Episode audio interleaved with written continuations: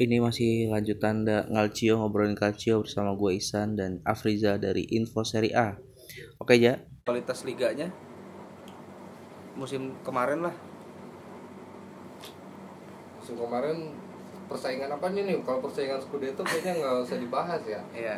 Kalau Persaingan ke Eropa. persaingan ke Eropa selama dua musim ini gokil kan Eropa dua musim ini gokil sama champion sampai akhir musim itu sih yang yang kayak yang kita kangenin dari Liga Italia kan Iya. zaman dulu tuh kalau misalnya zaman eh, kayak apa Bung Rayana aja Jaka Surya pas di itu Liputan langsung. oh, bener-bener sampai pekan terakhir tuh ada layar-layar kecil gitu bener-bener itu yang kita kangenin sih persaingan ya mudah-mudahan musim depan bisa kayak gitu lagi Nah, kalau kejutan kejutan gitu, kejutan sih tetep ya. Roma kira-kira bakal bikin kejutan gak nih? Pelatih baru nih? Roma. Fonseca ya? Si Roma, Fonseca, terus si Milan, Giampaolo, Lo Sampdoria, Di Di Francesco. Francesco sebenarnya baik-baik gitu lagi ya. Di Francesco kemarin kenapa dia enggak ya? Karena nggak nggak nggak- targetnya ya nggak nggak nggak kena ya Itu Roma Roma juga lumayan kompleks sih di akhir-akhir musim ya. Dia Monci cabut hampir bareng sama Di Francesco Hmm. gara-gara Champions League gugur lawan Porto dan emang dia nggak ada harapan gitu buat buat ngejar di liganya pun dia udah udah jauh. jauh.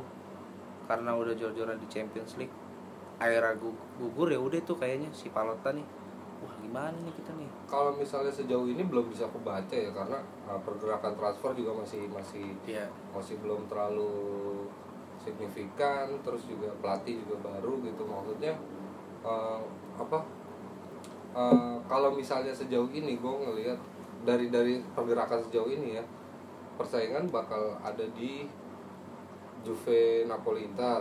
Hmm. Roma kalau misalnya bakal kayak begini terus itu bakal jauh lah. Dari Liga Champions pun keluar. Atalanta wajib kita tunggu nih Atalanta. Hmm. kalau misalnya masih sama kayak musim kemarin batu gua makin parah makin malap ini ya. Eh, harusnya bisa jadi warna baru di Serie A gitu kayak kayak mungkin bisa jadi Parmanya Parmanya sekarang gitu Parma Iya. dulu yang sekarang Atalanta apalagi kalau misalnya bisa sukses di Eropa. Ya paling nggak lolos group stage gitu lah. Itu Atalanta ketemu Barcelona gitu kan. Yoi. Wah, gokil lah. Yang kayak Udinese dulu masuk champion sama Barcelona. Terus ya Atalanta kalau menurut gue sih masih ngelawan lah. Karena dia beberapa musim pun jual jual pemain-pemain pentingnya gitu tapi masih survive menurut betul, gue betul. Akhirnya dia bisa masuk tiga besar tuh pencapaian mungkin pencapaian tertinggi klubnya Hmm, ya karena dia secara manajemen pun di jalur yang bener gitu hmm, bangun stadion terus transfernya selalu untung hmm. ya kan apalagi masa apa tifosinya tuh nggak banyak tuntutan kayak tim-tim besar gitu Hmm.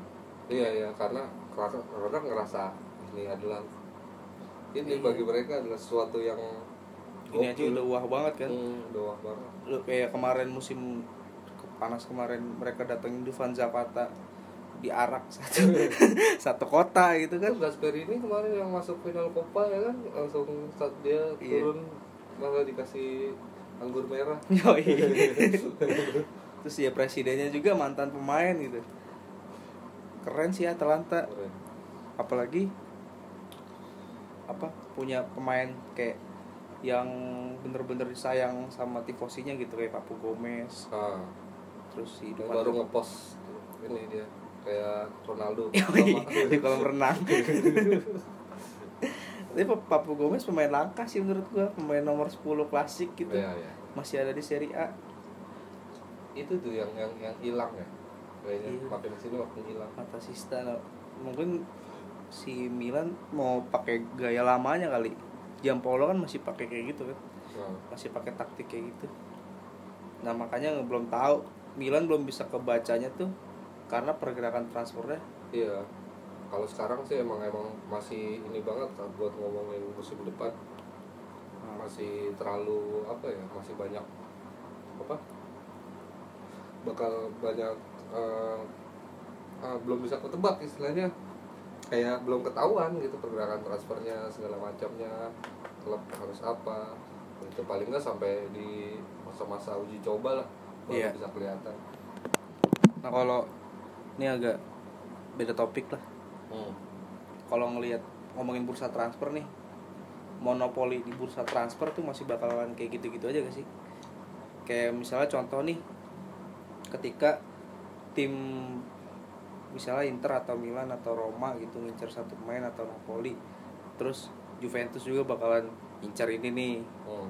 akhirnya akhirnya yang dapat Juve atau kayak kemarin nih Milan nih ngincer Chelsea terus akhirnya karena Inter lolos Champions dia lebih ke Inter atau ya kayak kemarin tuh si James Rodriguez gitu misalnya. Dia bakalan ke Napoli gitu. Ya maksudnya maksud gue nih pemain-pemain bintang nih bakalan lari-lari ke tim-tim itu aja. Dan juga ini bakal jadi tanda tanya buat masa depan pemain-pemain muda nih kayak Kiesa, makanya. Barella, makanya kayak Kesa, Ba- Barella gitu kayaknya masih butuh menit waktu pemain. uh, bermainnya kalau misalnya dia tahu-tahu Kesa kalau misalnya dia ke Juve itu kayaknya sayang masa depannya gitu. Maksudnya masih ada Douglas Costa. Bernardo atau Cuadrado di bek kanan Cuadrado di mana aja bisa. Dia agak Camoranesi Yoi. Tapi jagonya di latihan doang. latihan bercanda dia dia jago Kalau main aslinya gitu-gitu doang. video-video latihannya jago ya Iya, video-video latihannya mantep. Tapi itu sih bener sih kalau di Serie A gitu ya, mak- maksudnya monopoli transfer tuh masih kayak gitu. Kayak misalnya ada pemain muncul dari tim kecil gitu. kayak di musim ini sebut kita udah kita sebut Barella terus Chiesa terus Zaniolo di Roma Hmm. gitu kan. Terus sama Sensi di Sassuolo gitu. Godaan buat pindah klub nih bakalan gede nih apalagi yang ngincer tim-tim gede gitu kan. Sedangkan dia masih dalam tahap berkembang gitu. Hmm, iya. Tapi apakah keputusannya milih klub ini bakal berpengaruh itu misalnya Barella nih mau ke Inter nih. Mungkin pertimbangannya wah Inter kan pelatihnya konten nih sekarang nih. Oh, apa bakal dapat menit bermain gitu? Atau Kesa dia udah dia mau nyari tantangan baru gitu. Misalnya pindah ke klub yang lebih besar. Atau Zaniolo pun menurut gua kalau misalnya ada tawaran 70 juta mah Roma bakalan jual sih. iya. Makanya makanya kalau menurut gue sih eh, harusnya yang berperan di sini adalah agen gitu. Jadi agen tuh bukan sebagai eh, bukan jangan cuma mikirin bisnis gitu. Jangan Iya. cuma mikirin untung duit dan segala macamnya. Tapi mikirin gimana pemain bisa berkembang gitu. Harusnya setiap agen yang bagus itu harusnya bisa mikirin gimana pemainnya itu di klub selanjutnya gitu. Hmm. jadi kayak uh, kira-kira potensialnya kalau misalnya pemain gue pindah ke sini itu itu bisa dapat menit bermain gak ya? Terus gimana? Bisa bisa uh, berkembang gak ya? Gitu segala macam. Jadi nggak cuma mikirin wah tim ini lebih gede dari tim sebelumnya. Wah gajinya lebih gede. Wah ini maksudnya ada bakal uh, bakal padahal bisa jadi lebih gede lagi gitu harganya Iya. kalau misalnya tahan bertahan gitu. Kalau agen yang mungkin ngomonginnya lebih ke bisnis Rayola. Kayak Reola gitu makanya kan pemain-pemain muda yang bagus tuh udah dipakanin semua sama Reola tapi kalau dari sisi pemain ya mungkin gue nggak tahu ya Rayola tuh ngomong ke pemainnya kayak gimana gitu. Kayak contoh Pogba lah. Pogba tuh selalu misalnya udah deket-deket bursa transfer nih ada aja gitu kelakuan-kelakuan anehnya. iya. Ibrahimovic kayak Iya, gitu iya. kan Iya, pemain-pemainnya Rayola tuh Donnarumma. Nah, terus selalu ada drama-drama tuh. Nah gue bingungnya si si Delik nih bisa per- bisa percaya gitu pemain sama agen kayak Rayola padahal Delik ini punya masa depan yang bagus iya, menurut gue makanya. Tapi ini yang ngincer untungnya dia eh, yang ngincer tuh klub-klub yang benar-benar gede gitu Iya. kan. Udah gitu kalau misalnya itu dia bisa ngorban apa kalau dia datang dia bisa ngorbanin salah satu pemain inti. pemain inti gitu. Yakin gua kalau misalnya ini beda kasus lah sama sama pemain-pemain. Nggak kalau misalnya sekelas udah kayak Delik ini itu kayak udah beda san. Kayak kecuali kayak pemain-pemain yang eh, yang masih nanggung-nanggung gitu kayak yang butuh jam terbang gitu. Sayang kalau misalnya dipegang Rayola gitu si si Rayola ini kalau yang gue lihat kemarin nego-negonya sama Juve ini dia minta gaji yang udah pasti lebih tinggi dari pemain-pemain intinya nih. 12 kalau nggak salah. Ya 12 sampai 15 juta apa kalau nggak salah. Terus harga transfernya pun sekitar 70-an juta gitu 70-an juta euro. Ya mungkin karena di industri sekarang bola itu udah jadi pasar yang gila-gilaan ya Hmm. mungkin kayaknya si Rayola nih pinter banget nih nyari peluangnya nih iya dan kadang ya kalau kita lihat nasib kayak Balotelli gitu gitu kan akhirnya wah nih gimana nih nanti masa depannya nih Hmm. sama tim gak kepake sama timnas gak kepake kan itu jadi tanda tanya besar gitu buat pemain deal terlepas dari apa kontroversinya si Balotelli ya Hmm. ya menurut gue sih kenapa dia nggak main di tim gede aja gitu? Karena kan sayang gitu. Ya kalau misalnya urusan nyari nyamannya aja mah mending ke Parma atau Fiorentina gitu. Balik ke Italia kan. Iya betul betul. Ya gajinya kalau mau kalau misalnya Rayola masih sayang gitu ya sama Balotelli ya ya udahlah.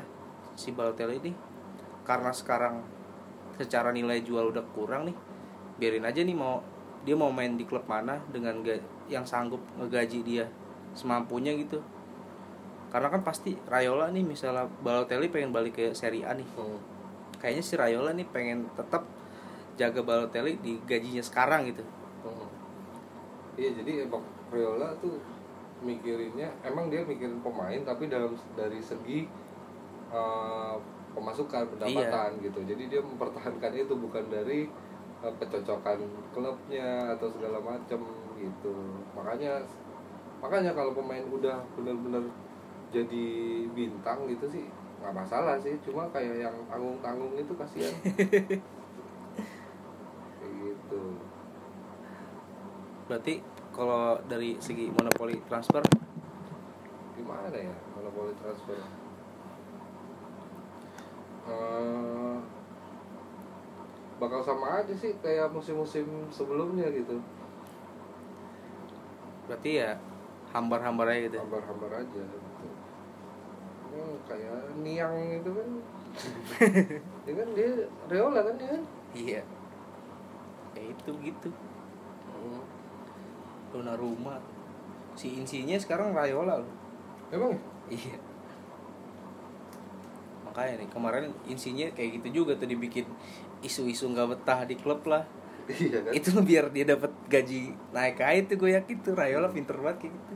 Sampai dia kemarin dapat sanksi kan dari FIFA apa. Tapi aman berhasil gugat gitu. tuh emang, emang licin banget tuh agen tuh. Gila. Udah gitu dia kan dapetnya juga setiap transfer tuh dia mintanya juga gede-gede gede Iya. juga gila kalau agen yang mungkin nama besarnya lumayan kayak agennya Ronaldo kayak gitu menurut gimana tuh karena dia kan megang Cancelo juga kan iya Cancelo terus kemarin dia si apa pemain muda Portugal tuh dijual ke Atletico 120 juta gila juga tuh Siapa? Jo, Jo Felix. Felix. iya oh iya Felix mah emang bagus nah maksud gua kalau pemain-pemain kayak gitu Hmm. masih nggak apa-apa lah gitu san. Maksudnya dia bakal bisa nempatin uh, posisi posisi utama gitu. Ah. maksudnya kayak emang benar-benar udah matang. Cuma kalau misalnya yang kayak aduh kayak Barella gitu. Gue gue masih belum yakin ketika dia pindah klub terus jadi pemain yang super juga gitu. Ah. kayaknya enggak deh. Sayang gitu maksudnya. Ya kayak kasus-kasus siapa ya? Pemain yang kira-kira masih setengah tapi udah pindah akhirnya ya gitu-gitu aja di klub barunya. Apalagi kan Italia kan malah maksud gue nih Italia nih mas lagi ada pengen ah, maksudnya eh, regenerasi lah iya. pemain-pemainnya. Takutnya kayak gitu mati lagi ya udah timnasnya jadi nggak ada apa-apanya. Hmm. gitu. Kalau- baik ya berarti kan puncak gunung esnya di timnas nih. Hmm, ya Itali Itali sekarang mau Mancini udah lumayan oke lah. Hmm, cuma itu pun kalau kita lihat dari potensi pemain mudanya ya pemain muda bisa cemerlang kayak Kiesa gitu atau Moseken atau Zaniolo gitu hmm. atau si inilah siapa? Si- gelandangnya? Tonali gitu kan. Hmm. karena dia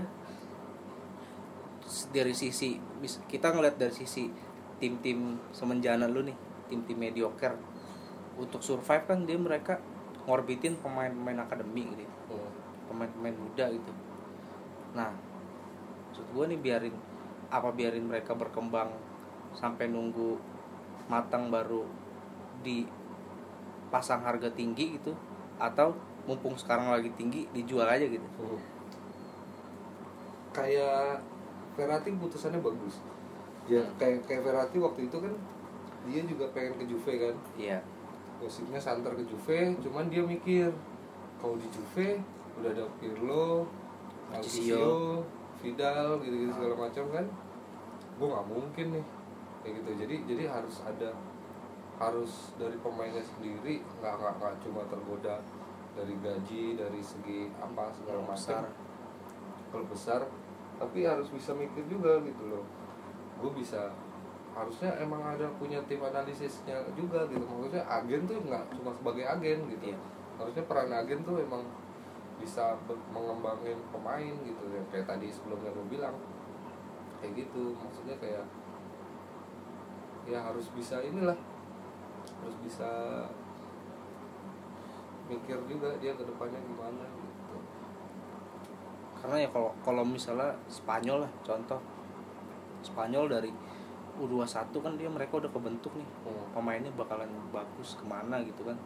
Ya contohnya U21 nya Itali 2013 sama U21 nya Spanyol waktu itu kan kualitasnya Oh, sama tuh. Cuman berkembangan nih beda nih. Oh. Der si De Gea, Isco kayak gitu-gitu kan. Jadinya world class player kan. Iya jadi world class play, world class player gitu. Terus sementara di Italia ya paling cuman siapa?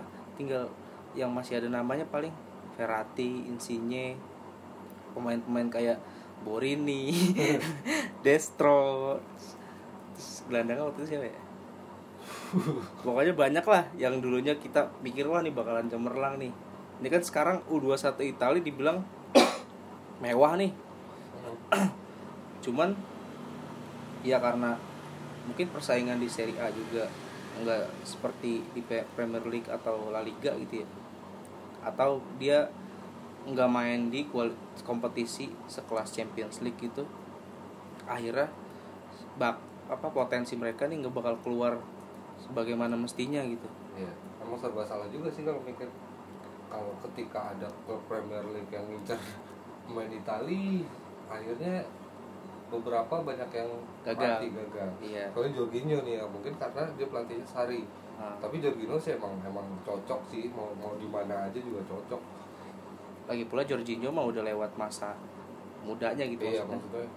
ya, udah di era dewasa lah Oh, tapi kan kayak Darmian lah contohnya Darmian pas pindah ke Premier League gitu ya ini udah kurang kepake nih padahal potensinya iya, bagus padahal bagus. Banyak sayang. Zappa Costa kayak gitu kan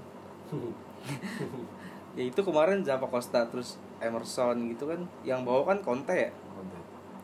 Di Conte masih bagus terus di Sari masih lumayan kepake lah. Cuma nanti nih di pelatih pelatih barunya nih nggak tahu nih. Terus siapa sih?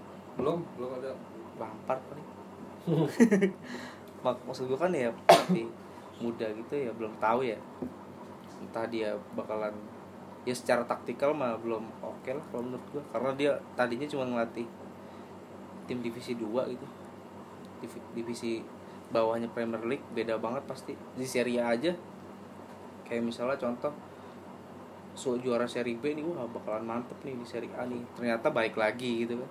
Hmm. kayak kemarin Empoli sama Frosinone cuma numpang lewat. Iya. sering banget kan kayak promosi yang bertahan bertahan lama tuh. Di Serie A paling tiga masuk yang bertahan satu kayak gitu-gitu mulu gitu di Serie A aja kayak gitu Malah Kievo ya, Kievo bertahannya lumayan lama Kievo. iya Baru degradasi lagi. sekarang udah tukeran sama Hellas Verona Hmm. Hellas Verona juga gitu mulu kan bolak-balik bolak-balik aja tapi kalau yang gue lihat dari pergerakan transfernya nih yang lumayan nih Leke nih Hmm. Lece lumayan bagus dia dapat dapat pemain-pemain yang secara secara kalau main FM potensial lah cuman yang nggak tahu nih nanti di Serie A karena banyak tuh pemain muda yang kemarin musim awal musim panas didatengin gitu ujung-ujungnya nggak berkembang kayak Halilovic di Milan nggak kepake. Oh iya. terus Andre Silva juga nggak kepake. Si Lautaro belum terlalu ini belum terlalu sebagus di liga karena liga kualitas liga sebelumnya kan nggak nggak bagus banget gitu. Kecuali mungkin dia datangnya kayak di Bala gitu Palermo dulu atau ke Genoa dulu. Gimana menurut tuh kalau pemain-pemain yang kayak gitu tuh? Kalau pemain kayak gitu apa ya? Jadi tergantung ya, itu keputusan dia pindah dan eh, tentunya kan pastinya kan dia ngerasain pelatih baru dengan kultur klubnya yang baru gitu. Kadang ada yang nggak siap juga gitu kan namanya manusia kan mereka juga manusia biasa. Iya. Gitu maksudnya kayak kita aja pindah kerja gitu tahu-tahu kayak gini beda lagi ini. Terus ya kayak contoh aja Lapadula Lapadula. Iya. Ya kan? Lapadula tuh kayaknya itu bakal jadi racing star gitu kan. Hmm. akhirnya gagal juga karena ya gitu. Karena uh, klubnya sendiri pun atau pelatihnya itu Hmm. nggak bisa uh, Maksimalin. maksimalin potensinya si pemain itu sendiri gitu kayak misalnya racikannya ini di balak pun yang udah kesannya world class player itu pun akhirnya dia nggak cocok uh, karena pelatihnya uh, nggak bisa maksimalin potensi dia gitu Hmm. maksudnya mungkin musim sebelumnya masih bisa bagus tapi ketika datang Ronaldo pun Iya. si Allegri ini nggak bisa ngeracik gimana Dybala dan Ronaldo gitu. Hmm. bisa benar-benar bagus. Kecuali kalau misalnya emang Dybala ditarik belakang tapi asisnya banyak gitu kan beda-beda cerita. Tapi ini kan benar-benar Dybala kayak nggak ada tajinya gitu. Itu ya tergantung pem- kemampuan pemain eh, kemampuan si pemain itu beradaptasi sama ininya sih apa eh, skema pelatih gitu. Bisa nggak ngasih potensi eh, apa maksudnya? Eh, ngelihat potensi dari pemainnya sendiri gitu. Kadang pelatih juga banyak alasan pelatih zaman sekarang. Tapi yang lumayan sebenarnya di Francesco di Roma tuh buat maksimalin potensi pemain kalau gue lihat sih bagus. Atau Gianpaolo di Sampdoria ya. Ah, si Gianpaolo tuh selalu bikin satu pemain biasa khususnya di barisan belakang gitu kayak Skriniar tiba-tiba jadi pemain world class. Terus ke- di musim kemarin Joachim Anderson gitu. Atau di Roma nih Roma si Di Francesco nih menurut gue lumayan sukses di Iya. musim kemarin kan? Udah gitu Roma yang pemainnya pemain pemain Itali lagi kan? Iya. Dan ya pemain-pemain yang muda yang diracik si di Francesco tuh lumayan berhasil. Kayak Zaniolo aja pas sama di Francesco tuh mulai bentuk gitu kayak main Hmm. idealnya gimana Luca Pellegrini kayak gitu-gitu tuh. Di tengah bahkan Cristante aja jadi hidup lagi. Hmm. El Sarawi gitu gitulah si di Francesco lumayan berhasil tapi ya penyakitnya karena Roma tuh terlalu ini apa namanya bisnis gitu ya. Pemain yang udah dibikin sama dia jadi bagus terus buru-buru dijual gitu. Alisson Becker lah. Hmm. contohnya. Atau ya penyakit penyakit klub klub Italia mungkin masih masih andelin plus Valenza gitu ya. Maksudnya kayak nyari untung buat dari transfer. Iya. Iya. dan iya, itu? iya betul betul. Itu balik lagi ya itu balik lagi ke brand mengangkat brand Serie A sendiri brand brand klubnya sendiri gitu. Maksudnya harusnya eh, klub itu bisa mikir gimana cari pendapatan di luar dari penjualan transfer gitu. Kayak kayak misalnya sekarang Milan gini kan kayak kesannya gimana cara balikin keuangan ya? Wah harus jual pemain gitu kan. Iya. bukan ngebentuk uh, brand klubnya sendiri bagus gitu. Makanya uh, sekarang ini Juve itu udah udah udah udah ngelihat ngelihat gimana tren sepak bola modern gitu. Iya.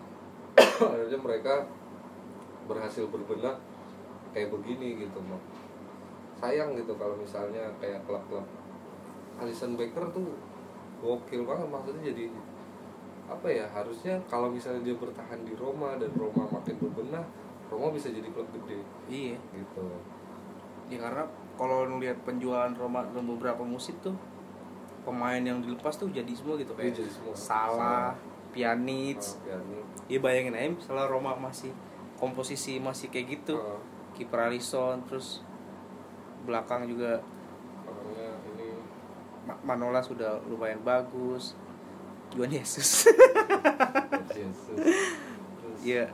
Terus masih ada De Rossi gitu. De Rossi kan perannya mungkin secara di lapangan udah kurang ya. Hmm, cuman kan setiap tim pasti butuh sosok lah di ruang ganti gitu yang disegadin gitu kan ya mungkin Paham. pertimbangannya Juventus belum melepas ini salah satunya itu kan. Betul. Atau ya kayak di Milan pun sosok-sosok kayak gitu udah nggak ada. Makanya ke- kemarin gue kepikiran juga kenapa Pogba jadi itu karena ya senior dia tuh juga gokil-gokil Pirlo gitu ya kan. Iya. dia bisa belajar banyak dari Pirlo gitu. Dibanding dia yang sama anak-anak milenial dia. Di teman-teman milenial dia di MU gitu kan Iya. jadinya ya gitu deh. Udah gitu dia kan konflik juga sama Mourinho segala macam kayaknya.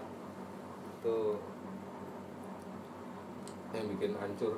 Makanya sayang. Pogba tuh sebenarnya setengah sih. Gede banget. Kayak Neymar kayak ini juga enggak. Tapi dia juga di atas Milinkovic Milinkovic Savic iya. Lazio nih nggak nggak nggak nggak nggak kedengeran ya gitu-gitu aja. Jersinya juga kayaknya begitu lagi ya. Bolak-balik desainnya bolak-balik. Macron mah gitu kan. Tapi La- Lazio ya lumayan sih. Si Simone Inzaghi-nya ya. Nah, sempat santer ke Juve juga tuh. Iya Inzaghi. karena menang Coppa tapi sebenarnya pelatih kayak Simone Inzaghi pun di Italia udah jarang. Hmm. pelatih muda karena mungkin ada satu apa ya namanya satu tuntutan misalnya seorang Gattuso gitu kan. Secara nama besar sebagai pemain gitu kan. Inzaghi lah. Hmm. secara nama besar sebagai pemain kan udah terlalu besar gitu ya. Terus ketika ngelatih langsung dapat tugas di tim gede gitu. Kayaknya buat berkembangnya tuh karena dia di tekanan yang gede gitu belum terlalu kelihatan udah dipecat atau gimana secara psikologis kan pasti ngaruh gitu beda sama Simone Inzaghi. Simone Inzaghi di Lazio dikasih kesempatan buat ngembangin pemain yang sebenarnya ya biasa-biasa aja tapi dikasih percaya gitu. Hmm. dia bikin Lucas Leiva jadi hidup lagi. Hmm. terus Luis Alberto yang di Liverpool udah hampir hilang namanya jadi bagus lagi. Nani Nani? Nani.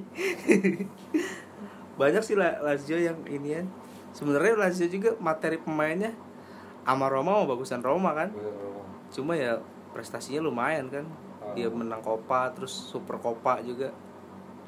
Dapat trofi lah minimal. Itu kan buat buat branding lumayan gitu. Ya, tapi sebranding brandingnya Lazio tetap Lazio. Kayak apa ya? Kayak ya udah maksudnya harusnya harusnya kalau mau jadi klub besar gitu kan eh, bisa kayak Liga Inggris gitu benar-benar kayak Tottenham gitu yang nilai eh, sahamnya mahal kayak gitu-gitu segala macam maksudnya Nah. jadi jadi bisa apa ya? Nah jadi penjualan merchandise-nya juga bagus kayak gitu segala macam. Salah satu yang paling yang gue perhatiin sih klub Itali gitu ya nggak punya akun sosmed yang menarik. Roma?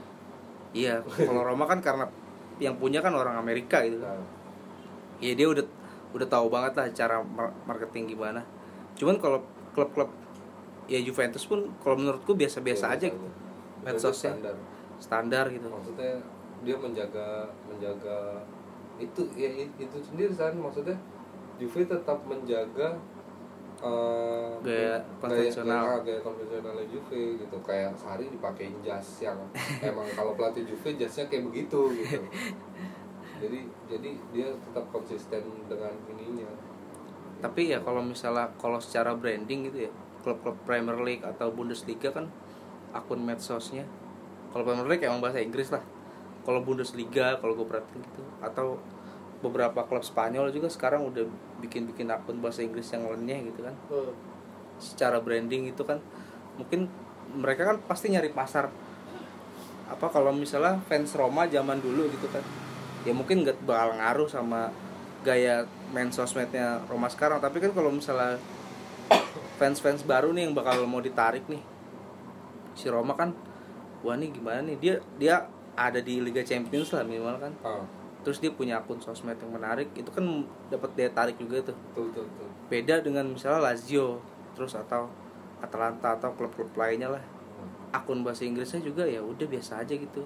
Jadi orang yang tahu dia di luar fansnya dia itu kurang buat dia tarik apalagi ya secara hak siar kan Serie A masih pakai cara yang jadul gitu ya nggak kayak Iya. Liga Inggris yang rata gitu Hmm. terus jamnya apa prime time nya juga masih ngikutin prime time sana gitu nggak nggak bisa ngelihat celah pasar di Asia pokoknya kalau misalnya marketingnya jauh lah kalau enggak broadcasternya broadcastingnya lah. Lu kalau nonton misalnya seri A gaya-gaya ngambil gambarnya. Hmm. ya kan? Beda banget kan sama liga-liga lain. Logo-logo kapten kapitano itu biasa banget sih anjir. Ya kan? Hal-hal kayak gitu. Hal-hal Iya. kecil kayak gitu kan sebenarnya. Sama. Itu apa namanya? Swiper swiper tuh kayak kalau Premier League lagi replay antara replay sama itunya kan keren tuh. Iya iya. Itunya tuh apa tuh? Bahasa itunya apa sih? Itu swiper itu namanya. Terus La Liga juga gokil keren. Maksudnya kekinian lah La Liga Iya. tuh La Liga. Walaupun cuma font La Liga doang tapi itu bagus gitu. Ini Serie A ini masih kayak gitu aja. Malah kan direvisi. Awal musim malah jelek banget maksudnya. Kayak kelamaan gitu swipe-nya gitu. Ya. makanya nonton Serie A juga kayak oh zaman dulu makanya makanya TVRI sekarang pun kan ya ada apa secara brand ya ini, ini Hmm. di luar bola ya. TVRI pun bebenah tadinya orang kan apa gimana ya under estimate under apa ya? Iya itu. pokoknya TVRI apaan sih? Dulu Iya, sekarang sekarang kan udah mulai sekarang dia megang malah pengen megang Liga Inggris kan? Iya. Terus Segala macam. bikin logo yang lebih Ah, ah, kinian. kekinian kayak gitu rebranding segala macam. Makanya bisa bisa ini gue juga bingung kenapa harusnya klub-klub di Itali itu kan apa apa eh, dia di di di barat lah maksudnya harusnya masa iya sih dengan dananya juga Iya, iya. gede. Tapi kok nggak bisa ya? Apa yang salah? Kayak misalnya ini dah apa kalau misalnya lu perhatiin medsos klub-klub di Bundesliga atau bahkan sekarang Liga Perancis gitu atau Liga Inggris kalau Liga Inggris mungkin udah dari dulu dulu ya.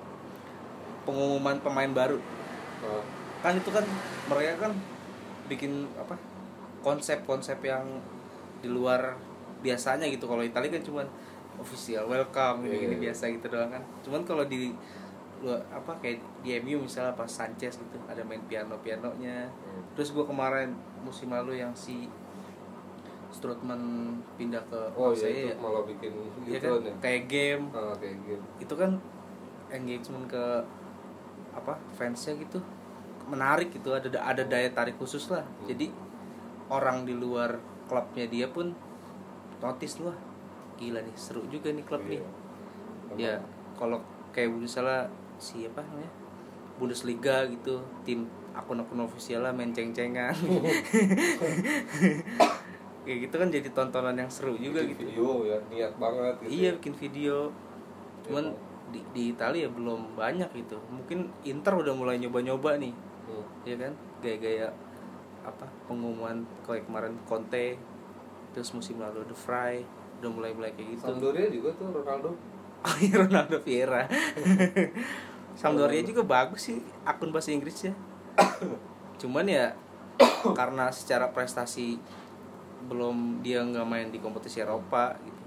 Beda sama Roma kan Roma Roma dia bisa bikin nyeleneh gitu karena ada di Champions gitu. Misalnya di ya minimal pas lagi ra- drawing kan orang tahu "Wah, ada Roma nih. Terus misalnya nyari akun medsosnya wah seru juga nih diikutin. Iya. Nah kalau Milan misalnya Milan Inter Juve gitu atau Napoli ya itu medsosnya udah gitu-gitu aja gitu. Paling kan highlight gol-gol lama iya. Akun official Serie A lah. Itu kagak ada bahasa Inggrisnya itu. Parah banget sih menurut gua. Orang kagak tahu nih. Telat juga itu nih dibikinnya jadi beberapa akun kalau Juve itu padahal kalau misalnya media sosial dari medianya lah Itali kan ter- termasuk medsosnya apa sumber-sumber beritanya tuh validasinya lebih mantep gitu dari Inggris kenapa klub-klubnya gitu masih kurang? Bingung juga sih gua. Makanya kayak padahal mereka di barat sana yang lebih maju gitu. Liga Indonesia aja udah lumayan bagus medsosnya ya Persib kayak Persija gitu kan dia udah udah nyari pasar di luar lah. Kalau Emang harusnya begitu sih. Hak siar ya udah gitu-gitu aja.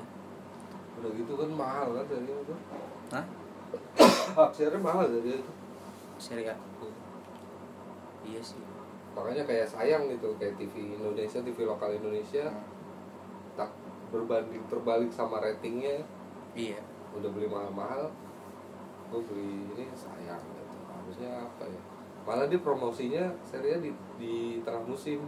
Habis itu baru banding harga. Makanya kadang-kadang TV lokal kita kan ada yang baru ambil ah, ngambil seri A tuh kan di tengah-tengah musim kan. Hmm. ya gitu ya kayak kemarin lumayan sih Ronaldo ya Ronaldo datang tuh. Oh, jadi kayak Bin ambil ngambilin nyari lagi. Nyariin terus ESPN bahkan di Amerika ngambil. Itu baru baru Ronaldo gitu. Terus kenapa se- Serie A secara keseluruhan nih nggak nggak nebeng aja gitu iya. sama marketingnya Ronaldo seorang gitu gua kalau jadi tim-tim itu mau beli aja Messi 150 juta. Nutup pasti. Pasti nutup nggak ada kecuali ya Messi nya tiba-tiba flop. Iya. Tapi pasti dari awal musim itu pendapatan langsung gede. Kayak merchandise gitu gitu kan pasti gila Messi. Pinter gitu Messi. Hmm. uh, tapi emang pemain ya pemain yang punya nilai jual tinggi gitu. Ya Messi nggak tahu karena nggak pernah pindah gitu ya. Tapi setelah si Ronaldo gitu kayaknya nggak ada deh. Apa? Belum ada gitu. Kalau dulu kan ada Beckham gitu. Hmm. yang punya nilai jual tinggi lah buat klub. Hmm. sekarang ya mungkin baru Ronaldo aja gitu. Karena pemain kayak Neymar pun masih nggak beda level ya sama Ronaldo ya sama Ronaldo. Iya secara secara marketing ya gitu ya. Hmm.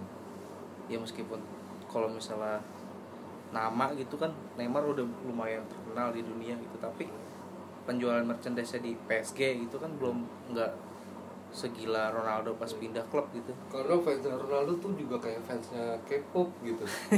Iya. militan ya? Oh fans Ronaldo tuh fans Ronaldo dan Messi tuh udah kayak fansnya K-pop. Diserang dikit langsung ya? Hmm, parah. Apa juga dibeli gitu maksudnya. Ya kalau fansnya Neymar ya belum tentu kayak begitu Hmm. gitu. Fans fansnya Hazard gitu belum tentu kayak gitu. Tapi ada gak potensi orang yang bisa kayak Ronaldo itu kalau secara menurut- nilai jual. menurut gua sih ini ya eh, Spinazzola.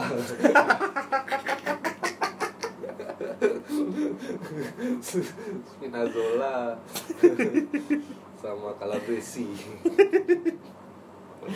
ya kalau enggak ini kan. Siapa ya? yang biasa? Pemain yang biasa? Borini Baru ini bisa. Tapi kadang banyak sih pemain yang terkenal justru gara-gara dia sering lawak di lapangan banyak tuh di Serie A tuh Padoin, padoin. Padoin kan dia sosmednya kan juga lucu-lucu juga. iya Sturaro terus si Cuadrado sosmednya lumayan loh Quadrado dia ini foundation dia. Quadrado foundation dia. Buffon bikin aplikasi ya. si anjing Buffon tuh mau ke mana dia Dia mau jadi tahu? Mati ya. Nesta, Nesta gimana Nesta nih? Nesta Frosinone di seri B lah pelatih pelatih gitu masih di seri B dulu lah Jangan, jangan jangan takut sayang-sayang nama gitu. iya makanya Simone Inzaghi termasuk lumayan lah dia ada di tim yang masih bersaing di papan atas gitu Hmm. namanya meskipun dia pelatih muda Soalnya ininya juga nggak neko-neko sih, Lazio-nya juga nggak neko-neko, nggak nuntut banyak gitu. iya Dan itunya akhirnya prestasi juga walaupun sebatas apa Copa gitu-gitu itu udah lumayan lah. lumayan lah pride-nya ya. Hmm. Siapa ya pemain yang biasa banget tapi lucu kan Reva nih jadi konten bakal bikin tim yang mengelilingi kan Reva nih Iya. kan Reva sebagai pusat permainan gecer ini, gecer ini kok bisa ya gecer ini. Kiser ini Tapi dribblingnya bagus sih dia tuh siapa kan Reva si gecer ini. oh iya yang sayang malah Gevinko Iya. ya. Jovinko ya.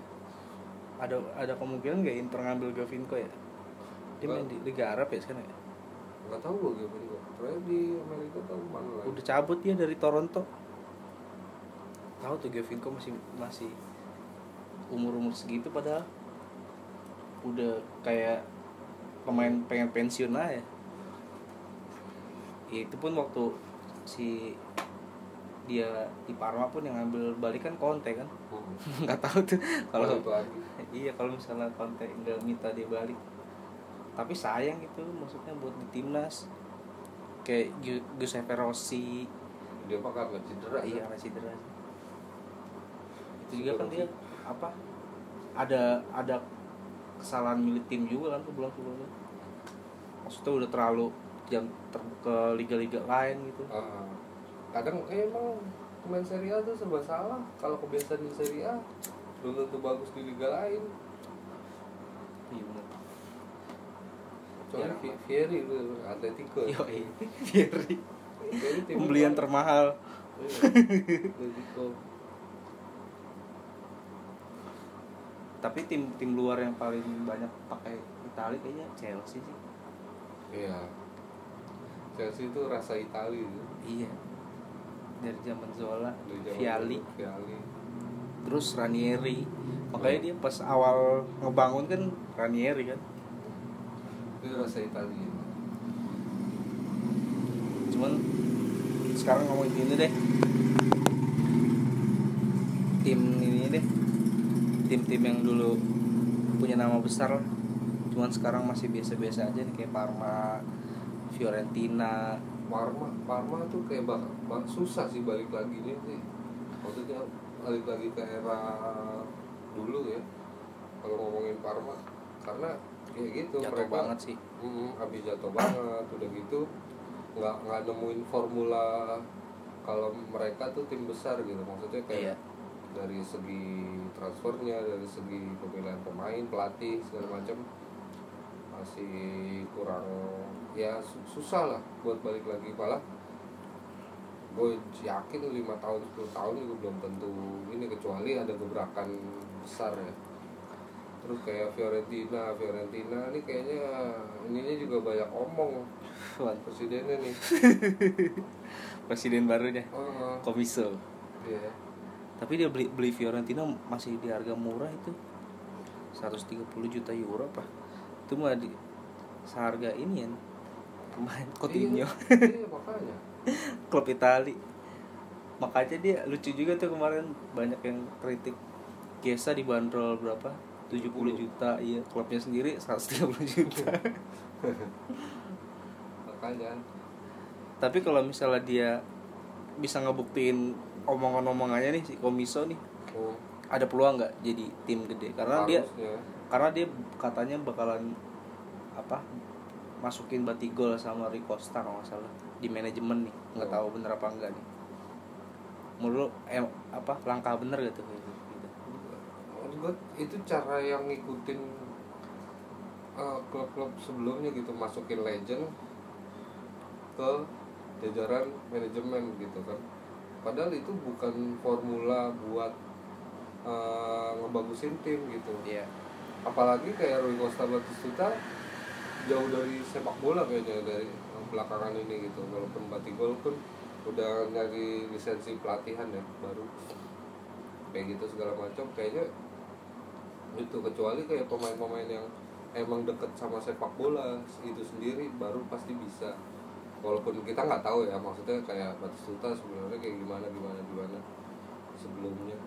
Tapi ya gitu itu bukan formula karena banyak ada yang berhasil ada juga yang gagal gitu. Jadi Iya. kayak cara kayak gitu tuh belum tentu eh, maksudnya nggak ada teorinya kalau misalnya itu bagus. Tapi teori yang udah pasti terjamin adalah eh, kayak eh, finansial bagus udah gitu aja.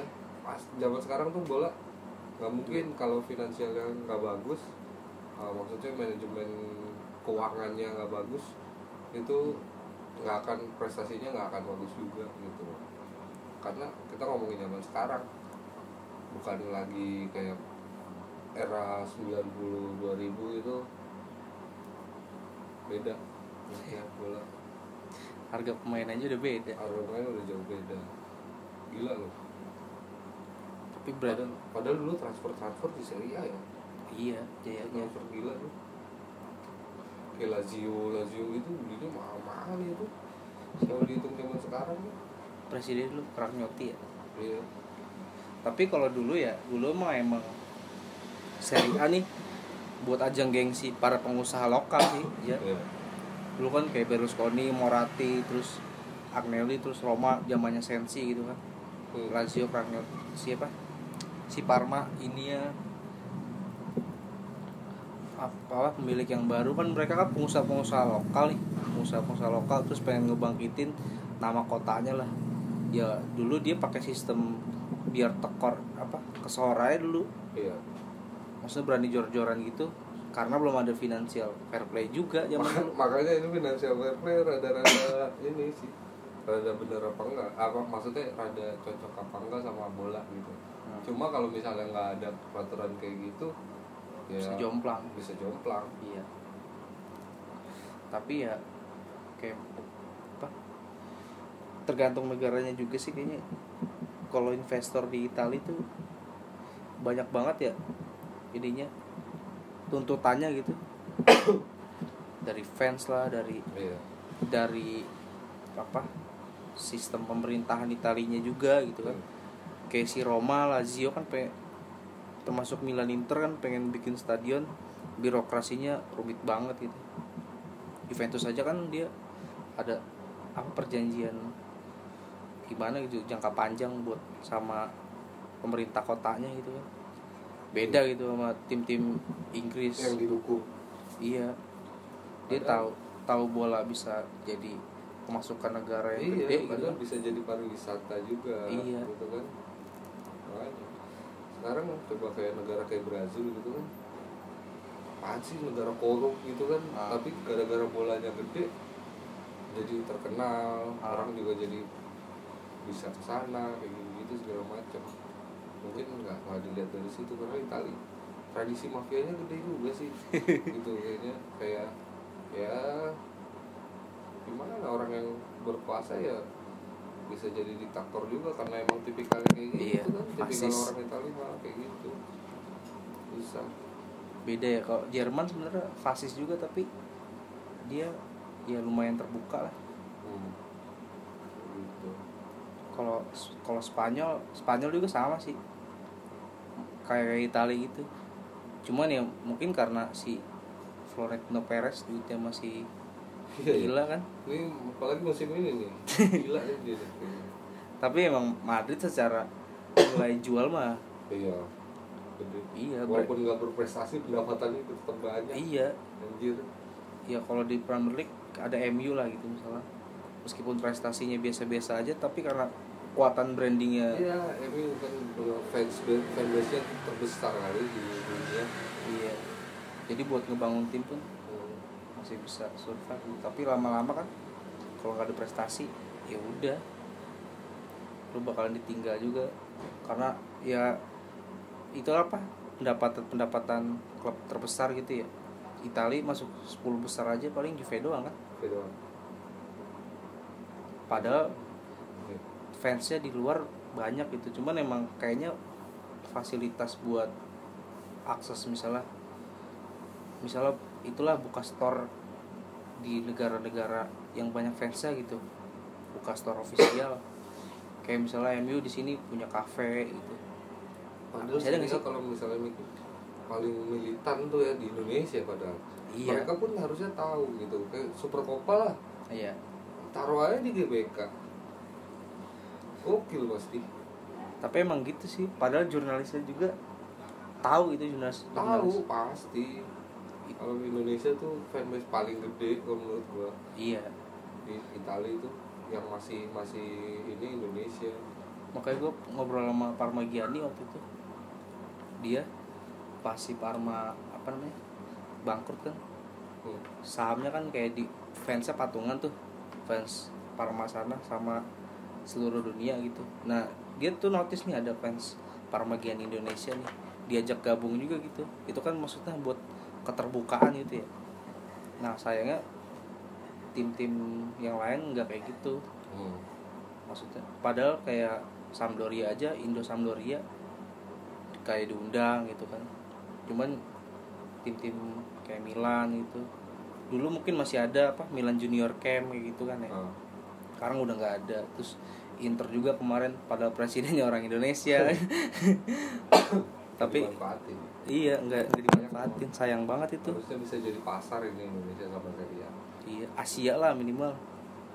Kayak apa Milan pas dipegang Cina aja di pasar Milan di Cina nggak nggak bagus gitu. Kan tanda tanya juga kan. Makanya gua, gua nggak ngerti sistem bisnis bisnis yang bermain di Italia itu kenapa gitu maksudnya?